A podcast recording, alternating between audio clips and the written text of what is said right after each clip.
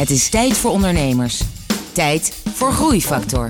Het programma dat ondernemers beweegt, motiveert en inspireert.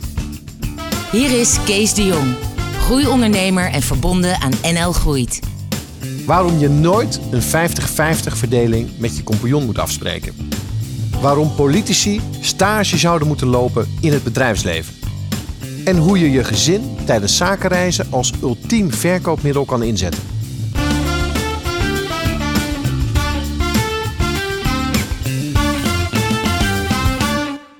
Welkom bij Groeifactor, het programma dat ondernemers beweegt, motiveert en inspireert. Met veel muziek en een openhartig gesprek. Hier naast mij zit vandaag Monique Ansink, bezig bij, als ik zo mag zeggen. Welkom. Dankjewel. Deze uitzending gaan we het hebben over jouw ondernemersloopbaan, over je hoogtepunten, over je dieptepunten en over het pad naar waar je uiteindelijk nu gekomen bent.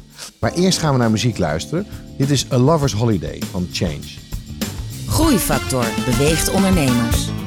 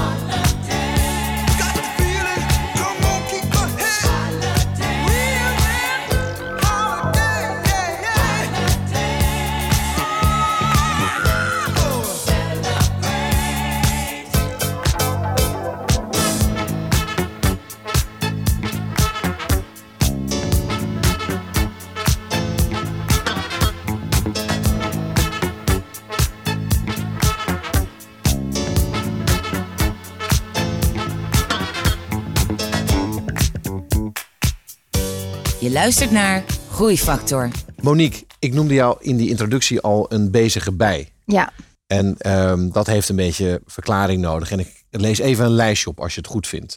Want ehm, je bent voorzitter van de Foreign Trade Association. Je bent commissaris bij de Rabobank West-Friesland. Je bent lid van de Raad van de Kamer van Koophandel Noordwest. Je bent voorzitter van Women's Biz. Je was wereldveroveraar een paar jaar geleden in 2010. Ehm, en daarnaast ben je natuurlijk eh, eigenaar van de Excellent Products Group. Ja, klopt. En vertel eens aan de luisteraars, wat heb ik nu in mijn hand?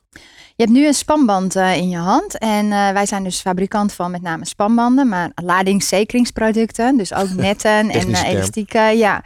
Dus allerlei producten waarmee je ladingen kan vastzetten voor, om het ja, veilig te vervoeren tijdens transport. Ja, En die spanband die je nu in je hand hebt, dat is een speciale, want die zit op een hoekbeschermer. Mhm. Dus die heeft geen verpakking. En eh, de, eh, ja, de verpakking is eigenlijk ook een gebruiksartikel.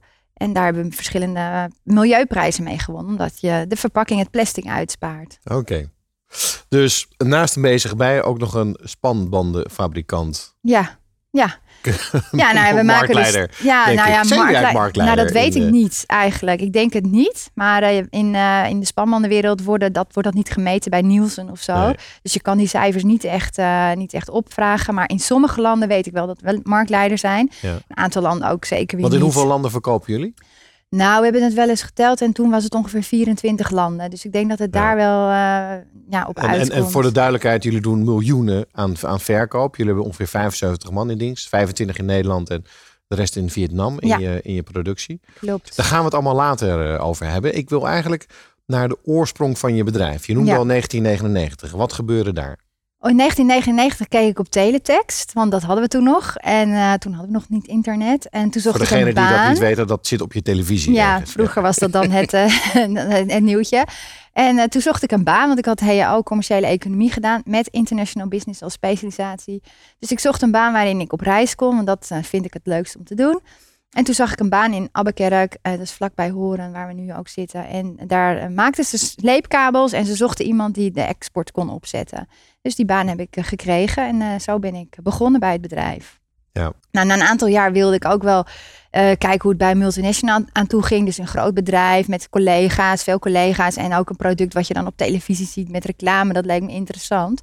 En toen ben ik bij Nestlé begonnen. Als eerste vrouwelijke accountmanager ook nog. En, Maar, eh, maar het verschil, dat eerste bedrijf was Ja. natuurlijk een soort van hè, bedrijf om de hoek. ja, sleepkabels en noem maar op. ja, En Nestlé is een super professioneel, strak, internationale organisatie. ja, nou dat wilde ik ook. Ik wilde daar, dat gewoon meemaken. Ik wilde weten hoe dat eh, aan toe ging. Ik wilde weten of ik daar ook ja, zeg maar in kon groeien en kon leren. Nou, dat was ook wel zo. Maar ik had altijd eh, contact met de eigenaar van de sleepkabels. En op een dag vertelde hij dat hij het bedrijf wilde verkopen. En dat was in eh, 1999. En toen dacht ik, ja, het is natuurlijk wel een heel klein bedrijf. Zeker als je het vergelijkt met Nestlé. Hoe groot was het toen? Eh, ja, we maakten alleen maar sleepkabels. Ik weet het eigenlijk niet eens meer precies. Maar eh, zeg maar, eh, in, toen deden we ook nog in gulden. Dus dan moet ik nog even goed Oh, ja. nadenken hoeveel dat dan was. Maar heel klein. Ja. Met misschien 10, 15 eh, medewerkers van productie en, en verkoop en, ehm, en administratie. Ja.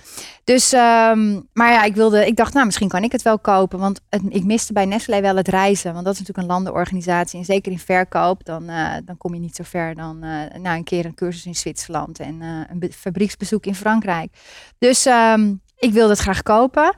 En, maar dat, ik kon niet betalen, maar ik kon wel de helft betalen. En de toenmalige eigenaar zei, nou als jij erbij komt, dan hou ik het ook nog wel een tijdje vol. Dus toen hebben we een 50-50 partnership eh, zijn we aangegaan.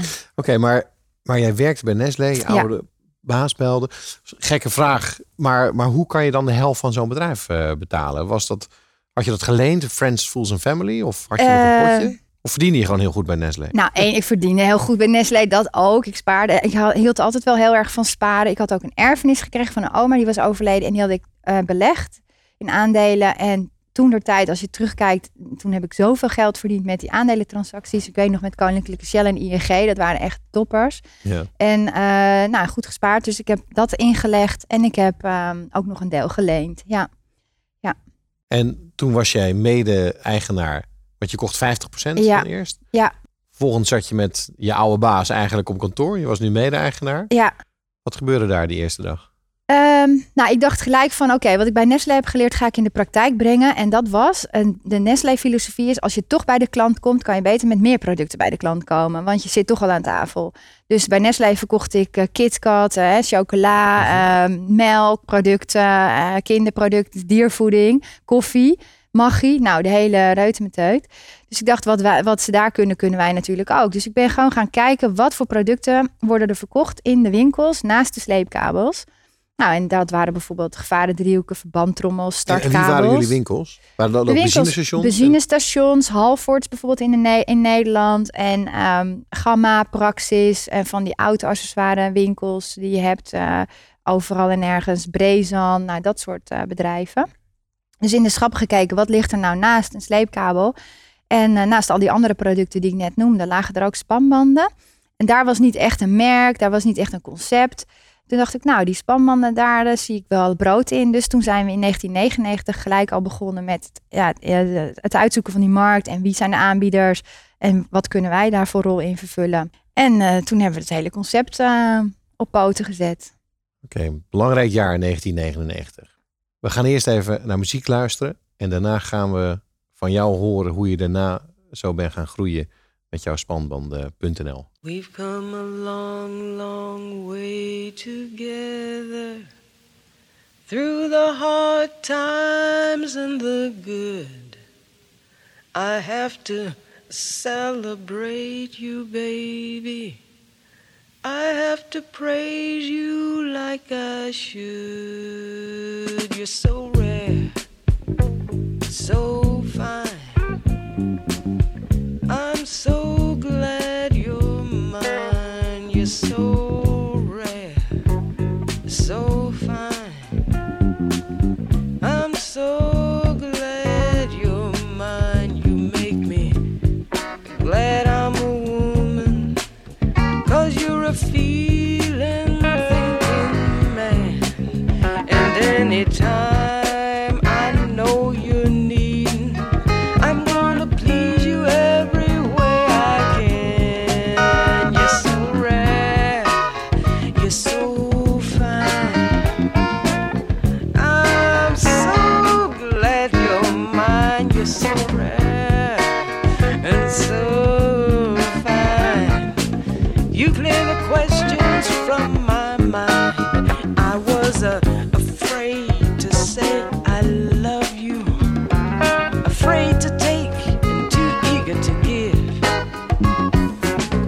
help me deal with what I'm feeling, with why and how I want to live. You're so rare, man, you're so fine.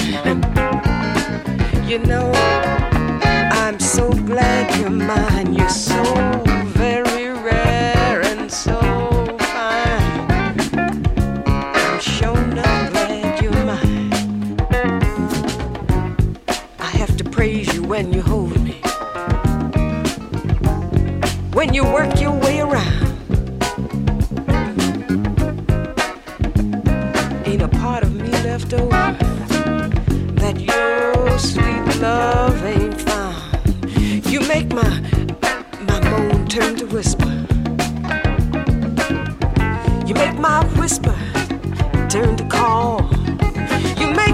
scream and scream that I love you.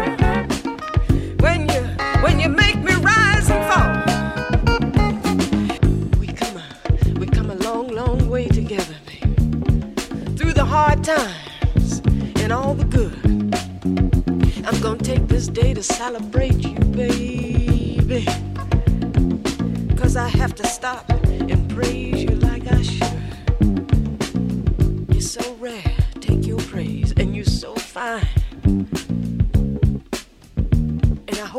I'm glad you're mine. Take your praise, you're so rare. Take your praise, you're so fine. Luister hoe mede-ondernemers in beweging blijven en ontdek nieuwe wegen met Groeifactor.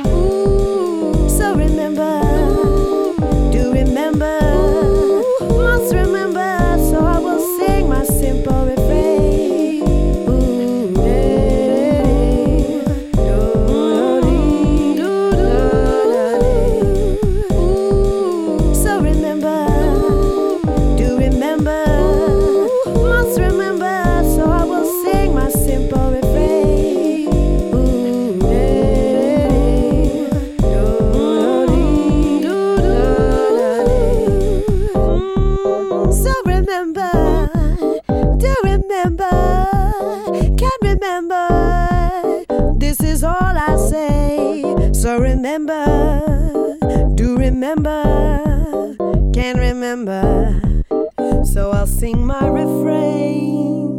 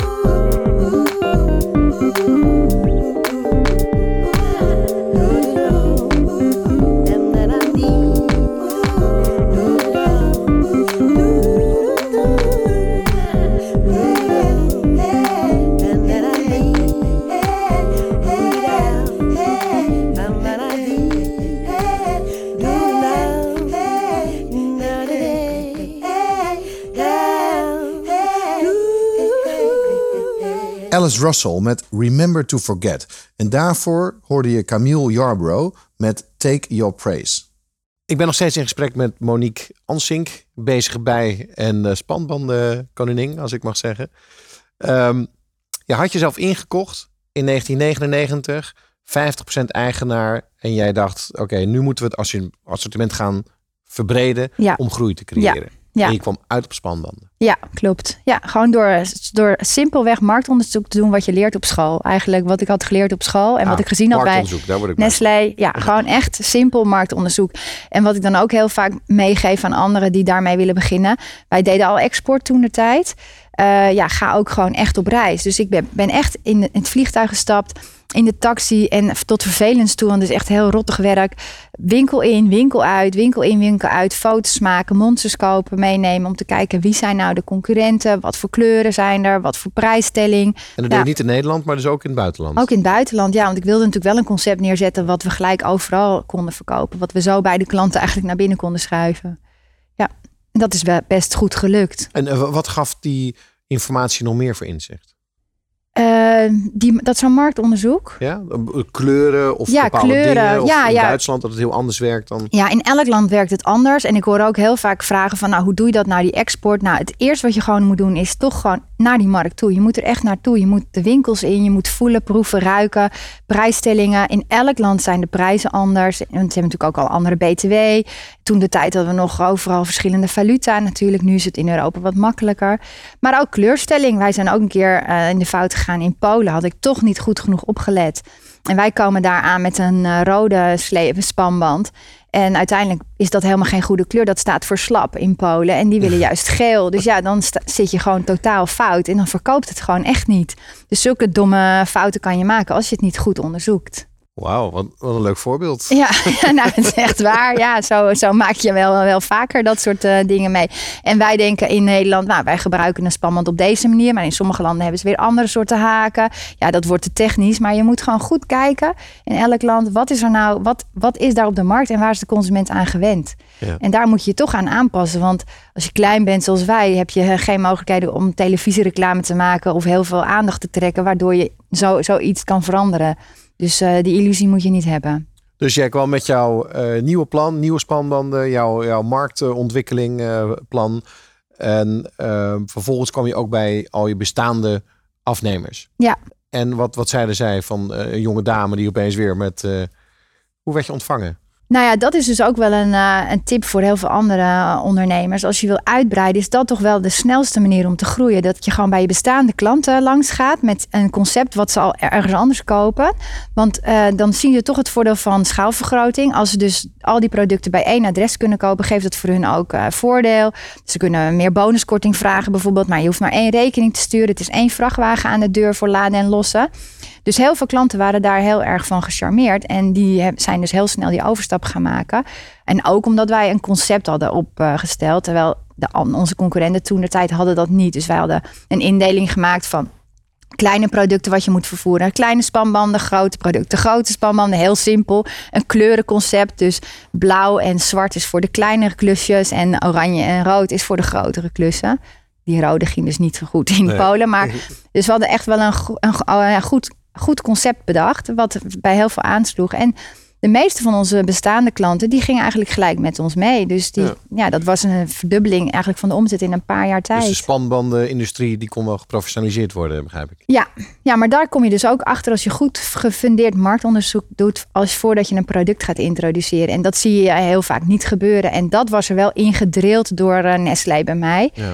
En eh, die deden dat ook. Die, eh, die deden het zelfs van eh, ja, productintroductie helemaal met panels en met, met klanten. Hè, dat werd helemaal uitgekoud voordat mijn het op de eerste markt... bedrijf was een, of is een marktonderzoekbureau. Oh, dus, ja. dus ik word heel blij van, Oh. van dit verhaal. Oh, leuk. Maar tegenwoordig zit het wel een beetje in dat lean startup. Hè? Dat, Ja. dat leren ze wel, dat je in ieder geval naar klanten moet gaan om te kijken of het allemaal wel aansluit. En, Ja, Maar het is inderdaad een, eh, een onderschat, eh, onderschat iets. Ja, ja, maar het levert ontzettend veel op. Het is, kost heel veel tijd in het begin, maar later heb je er heel veel profijt van. En heel veel mensen slaan het over, maar die gaan dan later eh, ja, op hun neus, omdat het dan niet aanslaat. Of ja, en, niet en de goed genoeg productie, dat, dat deden jullie ehm, in, bij Hoorn. Ja, En dat heb je daarna verplaatst. Want het, het werd te groot, te veel of te duur? nee, zo, zo was het niet. We hebben, de sleepkabels werden altijd al geproduceerd in Nederland. Maar toen we met de spanbanden gingen beginnen, zag ik al dat het prijsniveau op zo'n danig niveau was dat we dat in Nederland nooit konden produceren. Dus in het, toen we in 1999 begonnen, heb ik een partner gezocht. eh, die eh, in Azië die voor ons die productie kon opstarten. Maar eh, na verloop van tijd merkte ik dat sowieso door de globalisering dat veel eh, ondernemers, zeg maar retailers, eigen vestigingen gingen opzetten in Azië voor de, voor de inkoop. Dus eigen sourcing offices. En ehm, dus dat was het eerste probleem wat we meemaakten. En het tweede probleem was eh, dat deze producten die zijn allemaal onderdeel van de weg. Die je moet over de weg, je moet, het moet veilig zijn. Want stel je voor dat er een eh, lading afvalt door een slechte spanband en je rijdt er maar net achter. Er kunnen ernstige ongelukken mee gebeuren. Dus die producten voldoen aan allerlei normen. En dat kreeg ik ook niet zo heel goed eh, voor elkaar in, eh, in Azië om die altijd maar consistent aan die normen te voldoen. Dus uiteindelijk eh, die globalisering en die veiligheid hebben mij gebracht van ik moet een eigen fabriek beginnen. Ho Chi Minh werd het, of in ieder geval Ja. Vietnam. En, en waar begin je dan? Lokale ambassade of Kamer van Koophandel? Of zoek je dan een partner? Je moet een- Ja, nou, ik kwam natuurlijk al vanaf ongeveer 1999, 2000 in Azië. Dus in Azië is het wel zo dat je, je moet vrienden maken. Hè? Dan zeg ik Ja, even vrienden tussen zien. aanhalingstekens. Dus je moet veel uit eten, happy hour, karaoke. En dan heb je een soort eh, een netwerkje van mensen. En in Azië, iedereen kent wel weer iemand. Dus als ik dan zeg, goh, ken je iemand in Vietnam? Ja, dan kennen ze wel weer een broer, een zus, een neef, een oom, een tante. En zo kom je eigenlijk tot degene die je moet hebben. En uiteindelijk vond ik Miss Toa, Miss Toa. En daar werk ik nog steeds mee. En zij heeft 10% van de aandelen in Vietnam. Want toen de tijd kon ik niet starten als buitenlander. Dus ik kon niet hè, buitenlands investeren. lokale- Ja, moest ik lokaal. Ja, nu niet meer hoor, maar toen in 2010 wel. En ons hoogtepunt was dat we het contract met elkaar ondertekenden in bijzijn van Willem, Alexander en Maxima. Want die waren daar, en ik was toen ook mee met een eh, handelsmissie. En dat kan ik ook iedereen aanraden om mee te gaan met een handelsmissie. Het is echt een van de top 10 belevenissen van mijn leven, die handelsmissie. En eh, ja, het in bijzijn van eh, Maxima en Alexander hebben we toen eh, het contract met elkaar ondertekend, de samenwerking. Nou ja, en we zijn nog steeds bij elkaar, dus dat was een goede, goede keus. Ja. Ehm, we gaan even naar muziek luisteren. Maar dan wil ik straks van jou horen. In die periode van 1999 tot 2007, 2008. Eh, wat waren nou eh, de, de moeilijke tijden? Wat waren nou de tegenvallers? Waar ben je tegenaan gelopen?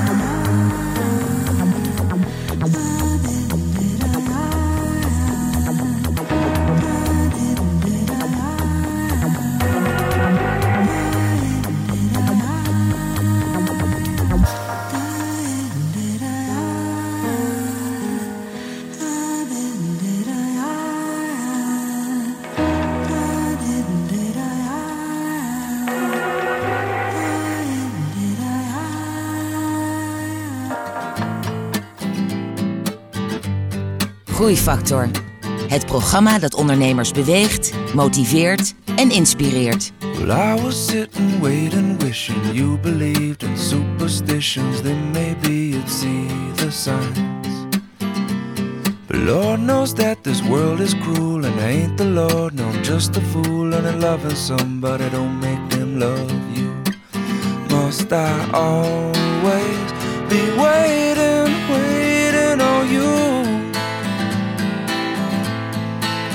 Must I always be playing, playing your fool?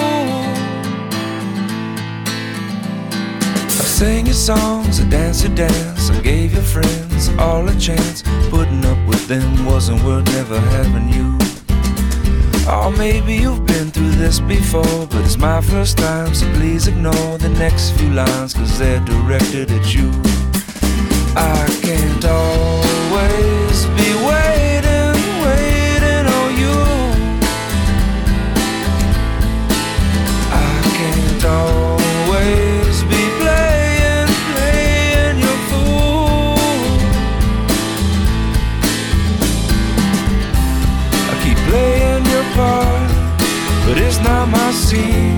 Want this plot to twist? I've had enough mystery.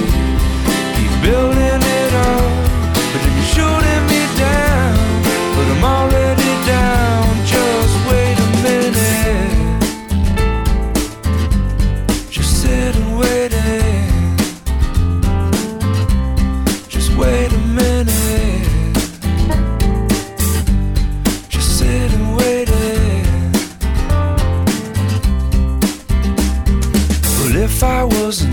position, I'd put down all my ammunition. I'd wonder why it taken me so long. But Lord knows that I'm not you. And if I was, I wouldn't be so cruel. Cause waiting on love ain't so easy to do. Must I always be waiting, waiting on you? Must I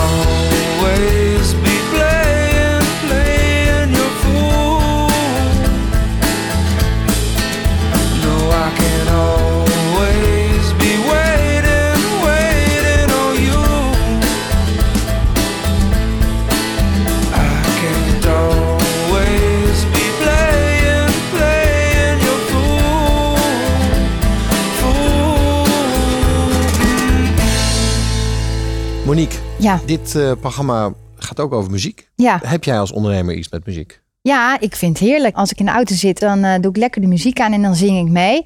En ik kan helemaal niet zingen, helaas. Want als ik het eh, Dus had als je alleen in de auto zit? Ja, als ik alleen in de auto zit, dan zing ik echt keihard alle nummers mee. Heerlijk. En welke muziek luister je dan? Nou, ik luister eigenlijk altijd alle muziek die gewoon voorhanden is. Dus het maakt me niet, niet zo heel erg veel uit. Ik vind de muziek van nu ook heel leuk. En ja, van vroeger toch ook wel de oude dance classics. Kan ik ook nog enorm Ja. van genieten. En speelt muziek een rol in je ondernemerschap? Nou, in zoverre dat wij hebben eh, op de zaak altijd de muziek aan. Dus eh, overal staan van die boxjes nu tegenwoordig. Dus eh, nou, je kan vanuit welke positie je van met je telefoon eh, de muziek aanzetten. Dus, en die staat ook best wel hard. Want dat vindt iedereen lekker om met de muziek eh, lekker te werken. Oké. Dus dat is eh, wat voor rol het speelt. En verder, ja, ik vind muziek heerlijk. Dus eh, ik luister het altijd als ik op reis ben. En ik rij eh, natuurlijk nogal veel in de auto. Dus Mhm. eh, heerlijk. En wat zet je dan op?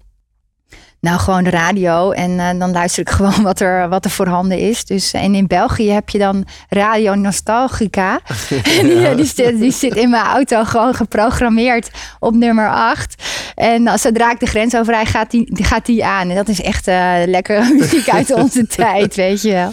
Heerlijk. Die zing je ja, dan mee. Die zing ik allemaal mee. Ja, dat is echt eh, heerlijk. Heerlijke muziek. We hebben je ook gevraagd eh, vandaag om een eh, nummer mee te nemen. Welke is dat? Ja, ik heb eh, gevraagd om het liedje van Barry White van Let the Music Play eh, te spelen. En dat vind ik ook zo'n heerlijk nummer als je lekker hard rijdt op de Duitse autobaan. En dan Ja. dat nummer. En ik moet me bekennen dat ik één keer was ik toen zo in mijn elementen en in mijn nopjes. Toen had ik het ook nog gefilmd op mijn, op mijn telefoon. En, maar voor mezelf. Kunnen we nergens terugvinden Nee, online? later Ja. had mijn dochter het gevoeld. Wat heb jij nou gedaan? Ik zeg, ja, dit was echt zo'n ultiem lekker moment. Ja. Weet je wel? Dat je dan lekker zo rijdt. En eh, nou, het zonnetje scheen. En die muziek aan. Nou ja, dan ben ik gewoon blij. Oké. Lekker happy. Let the music play. I've been out here walking and talking to myself for about four hours now. Love is really a hurting thing. Hey man, what's happening? Hey brother, what's going on? All right. He's got his woman over there, How's he doing? but mine's at home. What time is it? Damn, almost 12.45. I think I'm gonna walk up here and see what's going on up here at this discotheque. There's always something going on in there. What becomes of a broken hearted?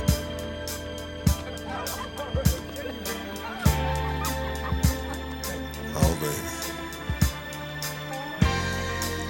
Oh, this looks like the place on up here. One ticket, please. Lord have mercy, everybody's here. Hey, what's going on, man? Yeah, she's at home. Yeah, she's at home.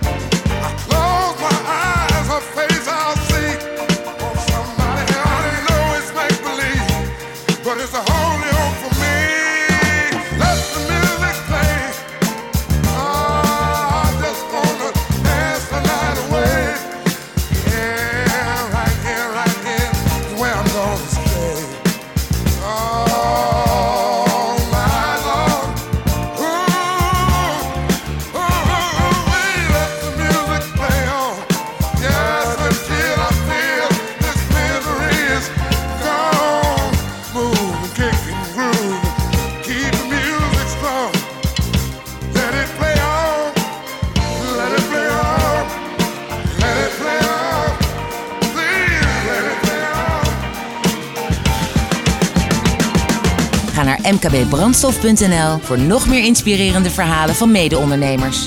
Groeifactor beweegt ondernemers.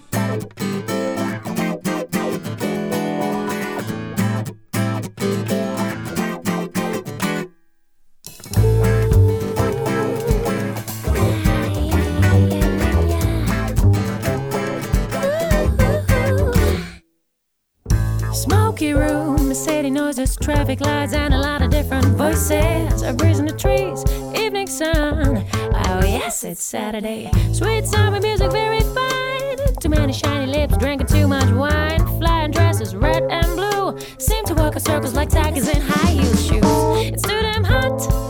I wish I'd fit my shoes. My hands are sweaty, and my belt is too tight.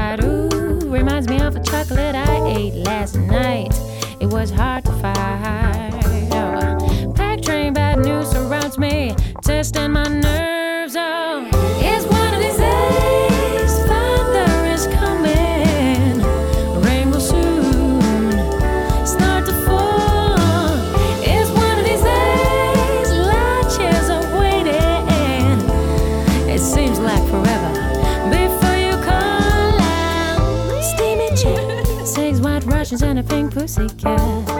Stumbling on the dance floor, tripping on my tongue, asking for more. Staring in and out a pair of eyes, another Brazilian sunrise, and another one. Oops, I spilled some on my t-shirt. Do I look desperate? It's one of these days. Love seems to try me, finding myself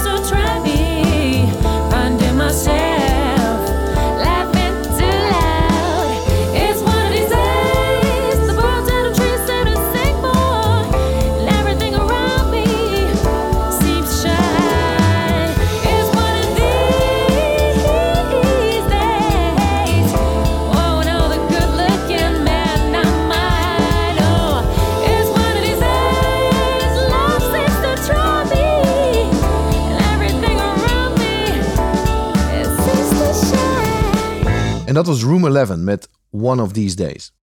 Ik ben nog steeds in gesprek met Monique Ansink, de koningin van de spanbanden en, eh, en heel veel andere dingen. Ehm, Monique, toen jij in 1999 begon, ben jij eigenlijk eh, tot en met 2007, 2008 samen met die compagnon heb je aan het bedrijf gebouwd. Hoe is dat toen eh, bevallen? Wat, of wat viel tegen eigenlijk? Nou, allereerst heb ik in 1999 de fout gemaakt achteraf om op eh, 50-50 basis eh, het bedrijf eh, te kopen. En toen de tijd zag ik daar ook helemaal geen gevaar in. Maar nu zal ik het iedereen afraden. Waarom? Als je een eh, verschil van inzicht hebt, ja, dan heb je een padstelling. Want je hebt, eh, als je met z'n drieën bent, kunnen er altijd twee voor zijn en één tegen. Maar met Ja. z'n tweeën is het één voor, één tegen. Ja, wat doe je dan? En ehm, ik was natuurlijk jonger, dus ik wilde heel graag eh, investeren in het bedrijf en alle winst terug in het bedrijf. En mijn compagnon was wat ouder, dus je had zoiets hoezo de winst terug in het bedrijf. We gaan de winst naar onszelf halen en iets rustiger aan met die groei, iets rustiger aan met die investeringen en ja, met al die plannen. Ja, en dat, dat voelde voor mij als een rem. En ehm, ja, dus daar groei je dan al een beetje uit elkaar.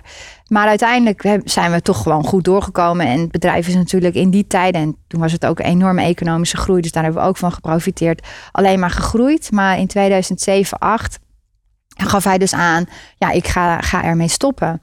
Hij En ging met pensioen. ja, hij ging met pensioen wel. Hij was, hij was nog wel iets jonger dan de normale pensioengerechtigde leeftijd, maar oké. Hij Ehm, kon het niet meer bijhouden ook. nou, ik weet niet. Ja, nee, uiteindelijk, ja, misschien is dat wel een reden geweest dat je toch een beetje uit elkaar groeit qua ambitieniveau. Dat is Ja. wel zo. Dus daar moet je op letten als je een bedrijf, als je inkoopt in een bedrijf, zit je één op hetzelfde ambitieniveau en twee, wat doe je als je een padstelling hebt? Wie haal je erbij en hoe gaat dat in zijn werk? En ehm, dus we hadden een aantal van die padstellingen. En dus ja, dat heeft ertoe geresulteerd dat we uit elkaar zijn gegaan. Maar in het contract hadden we dus niet opgeschreven het contract van de aandelenoverdracht. eh, wel voor de tweede fase hoe de berekening van eh, de winst, eh, de uitkoopsom zou zijn. Dat hadden we allemaal vastgelegd. Dus daar was geen, geen discussie over. Alleen de discussie ging over wanneer zou hij eruit zijn gegaan. Eh, wat was het idee? Was het de pensioensgerechtigde leeftijd of eerder? En als het eerder zou zijn, moest dan die periode van eh, het eruit gaan tot de pensioengerechtigde leeftijd ook nog gecompenseerd worden. Nou, dat is uiteindelijk de discussie geweest. Want er was geen einddatum in het contract gezet. Dus achteraf was het contract eh, niet volledig. Maar je kan natuurlijk van tevoren ook niet altijd alles bedenken wat je gaat overkomen. Maar doordat het contract niet volledig was op dat punt, hebben we daar heel veel gedoe over gehad. En uiteindelijk zijn er advocaten aan te pas gekomen om te beoordelen. En dat wil ik iedereen eh, meegeven. Van als je in een conflict situatie komt, probeer te vermijden dat er advocaten bij komen. Want ineens werd je, werden wij als vijanden eh, tegenover elkaar gezet. En eh, ja, de advocaten gaan natuurlijk zoeken naar allerlei redenen om maar gelijk te krijgen. Ja, en advocaten doen alles op basis van wantrouwen. Ja, precies. En dat, wij, wij, wij, wij hadden eigenlijk geen wantrouwen met elkaar. We hadden alleen een issue met elkaar waar we er niet uitkwamen. En dat was natuurlijk ook lastig.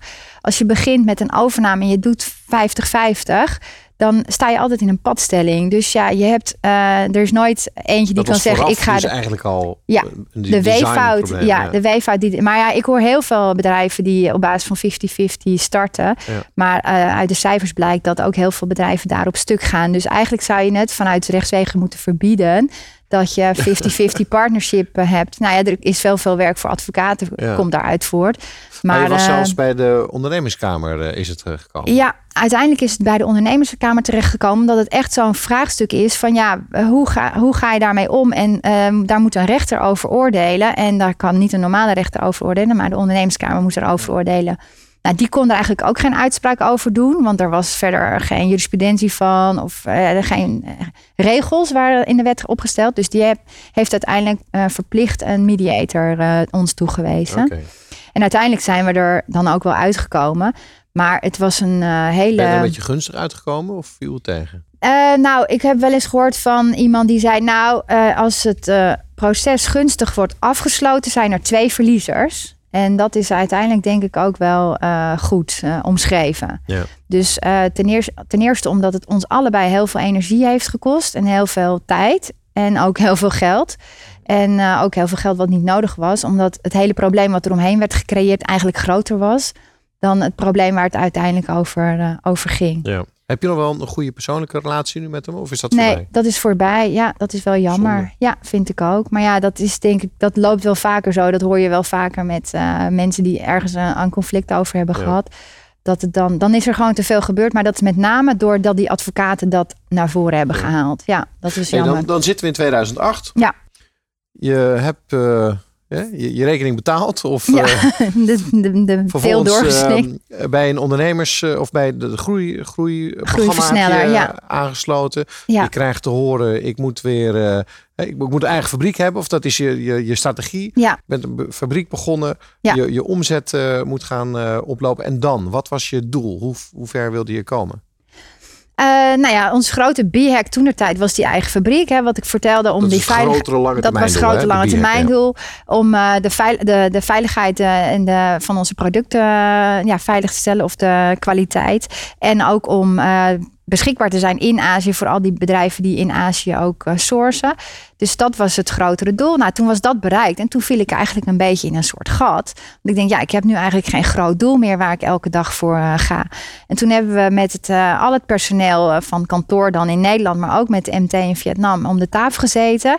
Om met elkaar te bedenken, wat is nou ons grotere doel? Want ja, ons doel van ja, we willen de beste spanband maken, dat deden we al. Dus dat was, was geen goed doel. We wilden een doel hebben waar we elke ochtend blij uit ons bed voor komen. Nou, en toen kwamen we erop met elkaar gebrainstormd dat het leuk is om eh, voor eh 300 medewerkers in Vietnam te gaan. Nou, en waarom? Omdat we natuurlijk, omdat je met één been in Azië staat en het andere been in bedoel, Europa. Het, het doel om 300 onder- eh, medewerkers aan te stellen. Ja, dus creëren van werk in, eh, in, in, in Vietnam. En dat vonden wij een, eh, een leuk doel. Om en waarom s'morgens, is dat zo belangrijk?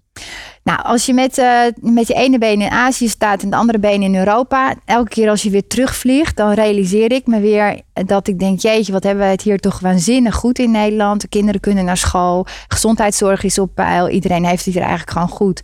Terwijl in Vietnam, heel veel mensen die strijden elke dag nog voor in ieder geval twee maaltijden. En de kinderen kunnen heel slecht naar school, want er is geen geld en niet iedereen heeft werk. En ja, dat is echt nog een opkomende markt. Dus het, het verschil is zo groot dat wij dachten, ja, wij hebben daar nu een fabriek. We willen gewoon zorgen dat daar veel mensen aan het werk kunnen.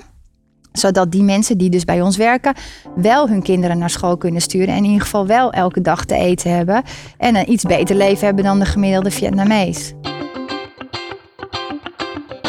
Openhartige gesprekken met inspirerende ondernemers. Je luistert naar Groeifactor.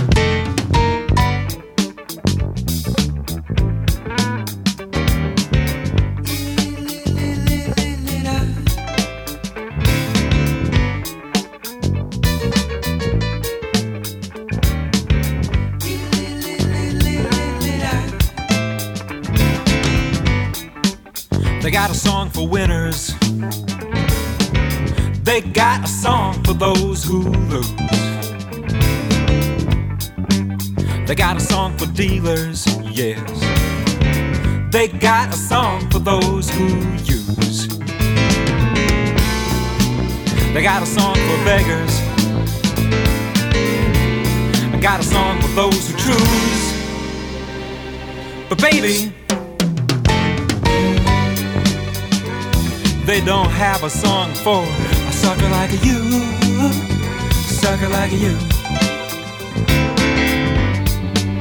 What's that you're saying?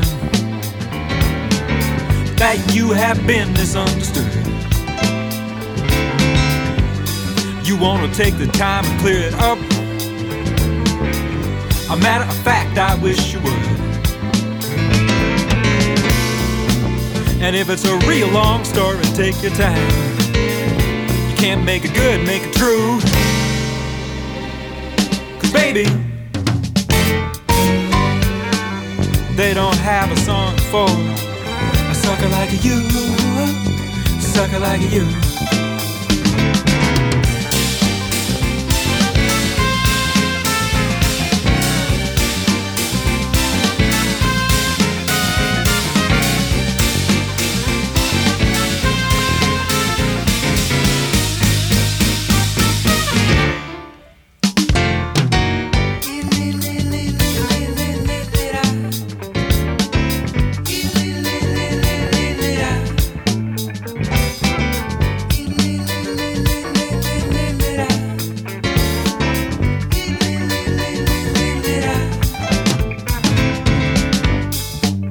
Well, you got your doctor. He's gonna tell you how you feel. And you got yourself a lawyer, don't you, babe? He's gonna show you how to steal.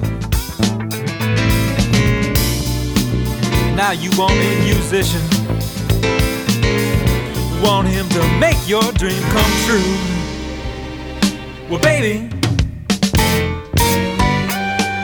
They don't have a song for a sucker like you, sucker like you.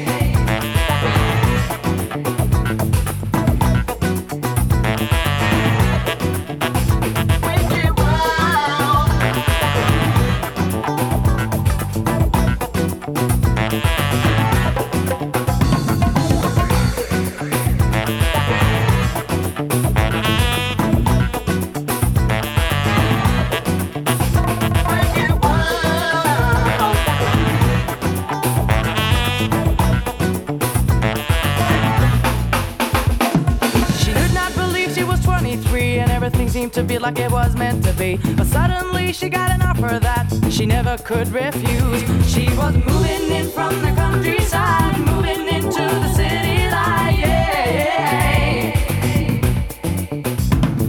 She really thought she could combine her present life with the past she had, but all people change.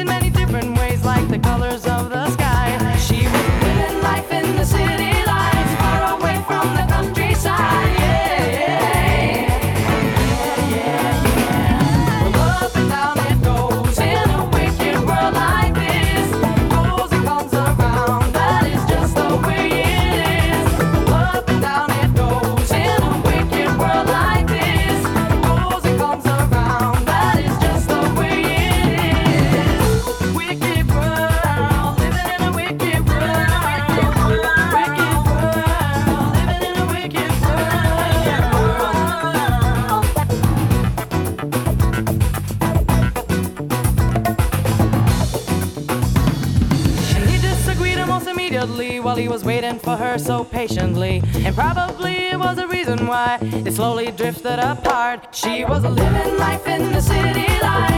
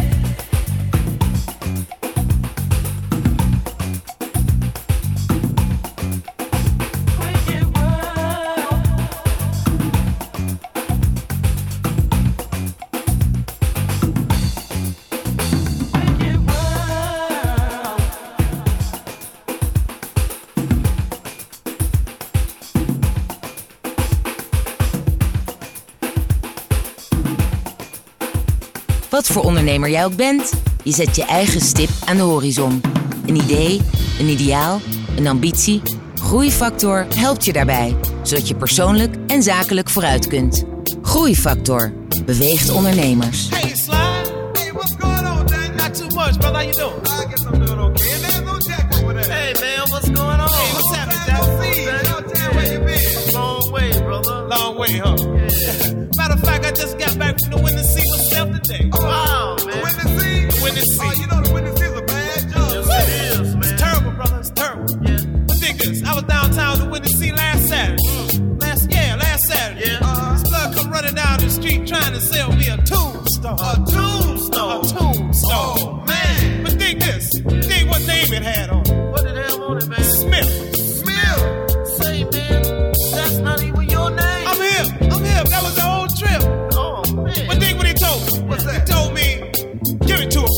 When he died. Oh, man. You know it's cold. When the sea is a mother, brother.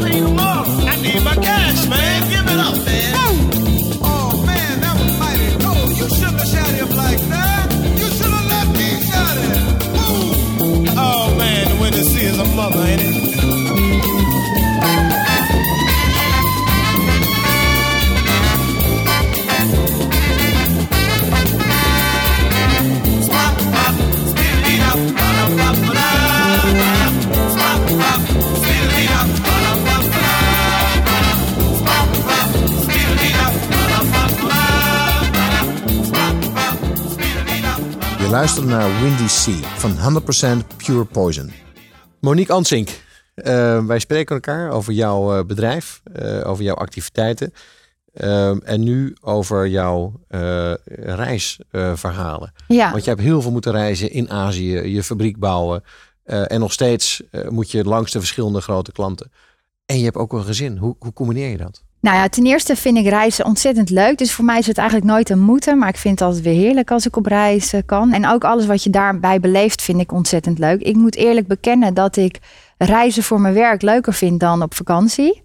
Want dan, oh, ja, op vakantie dan ben je een toerist. Terwijl als je reist voor je werk, dan word je overal uitgenodigd. Je maakt veel meer mee dan, eh, dan dat ik op vakantie meemaak. Dus ik vind het eh, helemaal geen must. Ik vind het leuk. En waar mogelijk neem ik ook het gezin mee. Dus eh, afgelopen herfstvakantie, toen eh, zijn we naar Engeland geweest. Want ik moest een aantal Engelse klanten eh, bezoeken.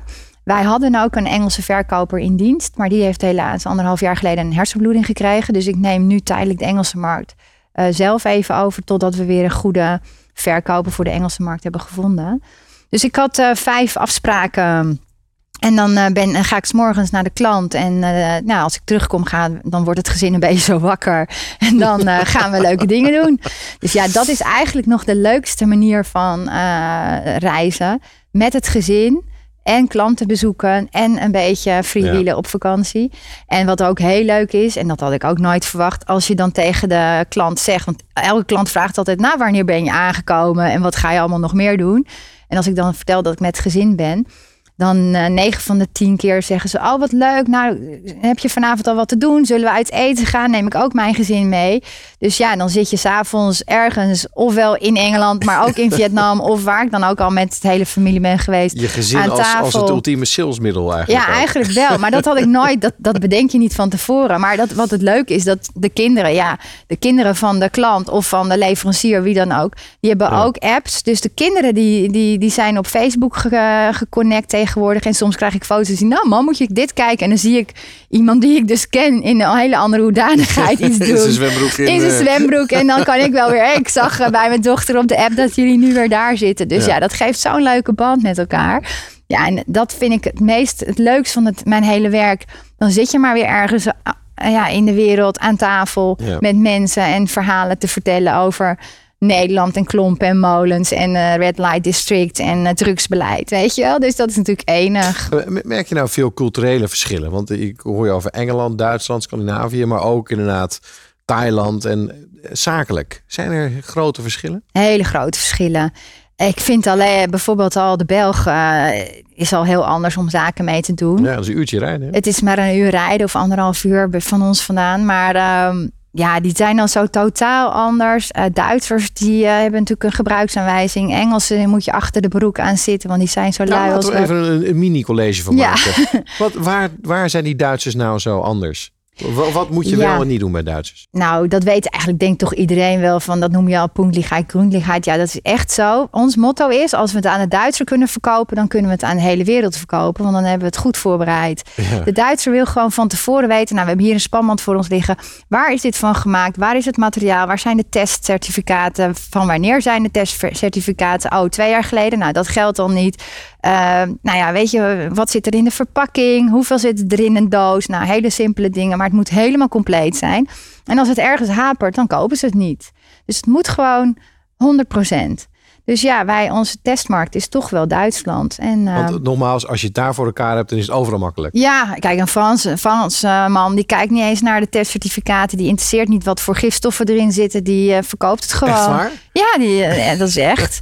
Engelsen ook niet hoor. Die maakt het ook allemaal niet uit. En die Polen die willen alleen maar dat het niet rood is. Nou ja, de Polen die willen inderdaad dat het niet rood is. En eh, de Polen, dat is dan toch ook wel weer een apart eh, verhaal. Daar hebben ze nog allemaal van die instituten, testinstituten, die nog een beetje op de oude communistische manier zijn ingericht. Ja. Dus daar moeten mensen gewoon aan het werk gezet je worden. stempeltje halen. Ja, daar moet je stempelen. Dat is eh, echt nog de stempelcultuur in, in Polen. En, en ja. Azië?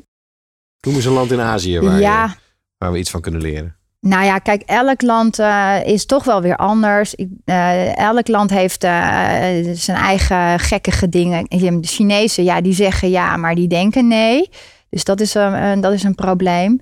En Chinezen denken alleen maar aan zichzelf. Dus die zijn met name egocentrisch, egoïstisch. Dus ook in contracten of in prijsafspraken. Je moet niet denken dat zij gaan voor de lange termijn samenwerking. Ze gaan korte termijn en alleen voor hun eigen portemonnee. Dus dat moet je altijd goed weten bij de Chinezen bij onderhandelingen. Ja, en eh eh, Thai, Thaise mensen zijn heel lief, heel lekker eten, maar ze zijn heel langzaam. Dus daar moet je echt een hele lange adem hebben voordat, eh, voordat je een zaak eh, afgerond Ja. hebt. Je moet niet twee keer, maar drie keer of zes keer gaan eten met ze voordat je daar iets, Ja, en dan gaat het nog heel traag. Het is verschrikkelijk. Nou, Japanners, die zijn eigenlijk wat, wat lijken een beetje op de Duitsers wat betreft dat je alles in orde moet hebben. En Japanners die testen, die controleren echt elk product. Dus ik weet niet waar ze die mensen vandaan halen, want dat zijn volgens mij geen Japanners die dat doen. Maar de container, als er 30.000 stuks in zitten, dan hebben ze ze alle 30.000 door hun handen gehad. Ongelooflijk. Dus daar moet je ook goed rekening mee houden. En het moet helemaal goed zijn, want anders krijg je het zo weer retour gestuurd. Dus ja, zo heeft elk land zijn eigen gekkigheden. Ja, daarom En, gaan ehm, die Toyota's natuurlijk nooit kapot. Ja, waarschijnlijk. Ik weet, ik rijd geen Toyota. Maar eh, ja, dus dat is al heel echt Japans. En eh, nou, Scandinaviërs, die zijn weer heel fijn en gezellig. En daar kan je echt, die willen tijd maken voor de lunch. En die willen voornamelijk leuk verhalen horen en praten. En vooral langskomen, want er komt daar niet zoveel. duurt veel te eenzaam. weg. Ja, een beetje eenzaam. Dus zo Oké. heb je in elk land weer zijn eigen dingen. En, en lekker eten natuurlijk. Dat Ja. is hartstikke leuk. Ja. Oké, na, na deze masterclass eh, internationale zakenculturen ehm, komen we straks bij je terug. En Ja. dan gaan we eh, eh, praten over jouw, jouw ondernemerslessen. Jouw, hoe je bent omgegaan met, met, met leiderschap, met, je, met, met mensen, met ontslaan, met aannemen. Daar gaan we straks naar luisteren. Maar eerst muziek van Paul Carrick. Dit is Groovin'.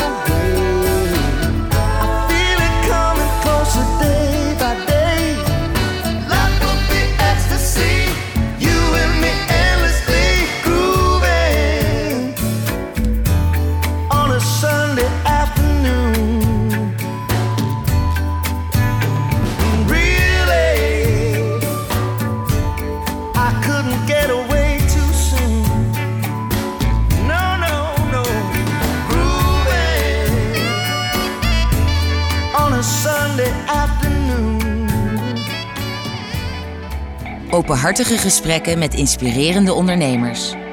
Je hoort het bij Groeifactor. Quando a gente cresce, a gente esquece, a gente perde. Quando a gente cresce, a gente esquece, a gente perde.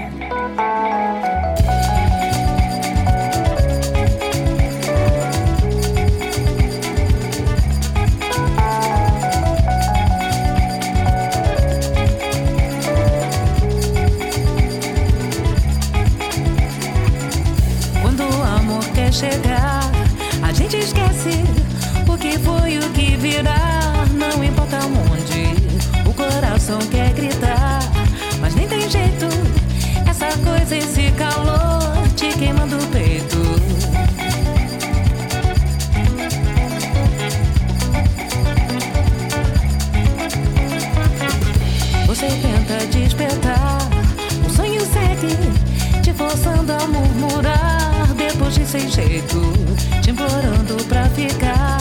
Chega mais perto dessa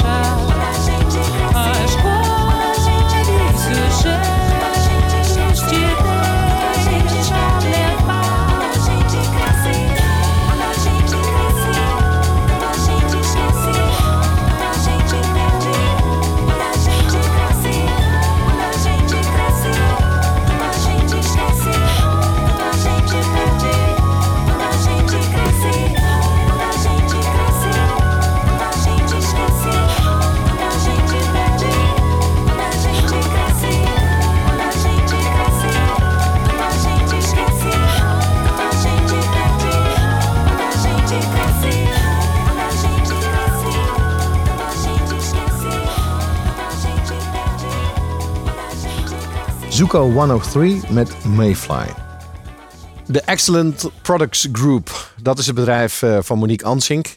Eh, met als paradepaard eh, de spanbanden. Maar ik kan me ook herinneren ooit een verhaal van jou. Ehm, dat jij ergens zo boos over was. Dat was iets met de Tweede Kamer. En dat jij volgens een Kamerlid of, of iemand van de, van de partij met je, bij jou hebt laten stage lopen. Ja, maar kijk, dat, daar kan ik me inderdaad wel druk over maken. Dat Oh, ja, we. nou, leuk, ze maakt zich erg druk. Nee, dat je al- als, nou, oké, als ondernemers zoals wij zijn en export, veel export doen en import, dan kom je, loop je tegen heel veel problemen aan. Elke dag weer. En heel veel dingen zijn op te lossen, maar een aantal dingen niet, want dat ligt gewoon ofwel in Brussel ofwel in Den Haag. En wat ik vind is dat er in Brussel of Den Haag vaak regelgeving wordt bedacht die één niet getoetst wordt bij ons als MKB'ers. Ze komen niet van tevoren langs van goh, wat vinden jullie hiervan? Gaan ze dat met brandsverenigingen eh, bespreken die ook helemaal niet met hun voet in de modder staan. Dus die praten soms ook maar een beetje aan een bepaalde kant op. Dus ze toetsen niet van tevoren of die regelgeving wel past bij ons.